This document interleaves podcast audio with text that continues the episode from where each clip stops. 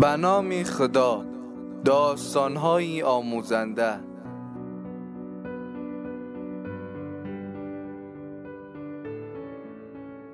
روزی حضرت عیسی از صحرایی میگذشت. در راه به عبادتگاهی رسید که عابدی در آنجا زندگی می‌کرد. حضرت با او مشغول سخن گفتن شد.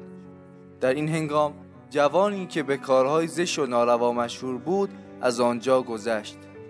وقتی چشمش به حضرت عیسی و مرد عابد افتاد پایش سوس شد و از رفتن باز ماند و همانجا ایستاد و گفت خدایا من از کردار زشت خیش شرمنده ام اکنون اگر پیامبرت مرا ببیند و سرزنش کند چه کنم؟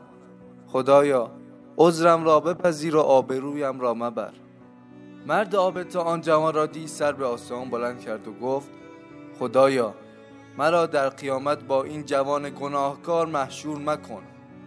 در این هنگام خداوند به پیامبرش وحی فرمود که به این عابد بگو ما دعایت را مستجاب کردیم و تو را با این جوان محشور نمی کنیم چرا که او به دلیل توبه و پشیمانی اهل بهشت است و تو به دلیل غرور خود بینی اهل دوزخ.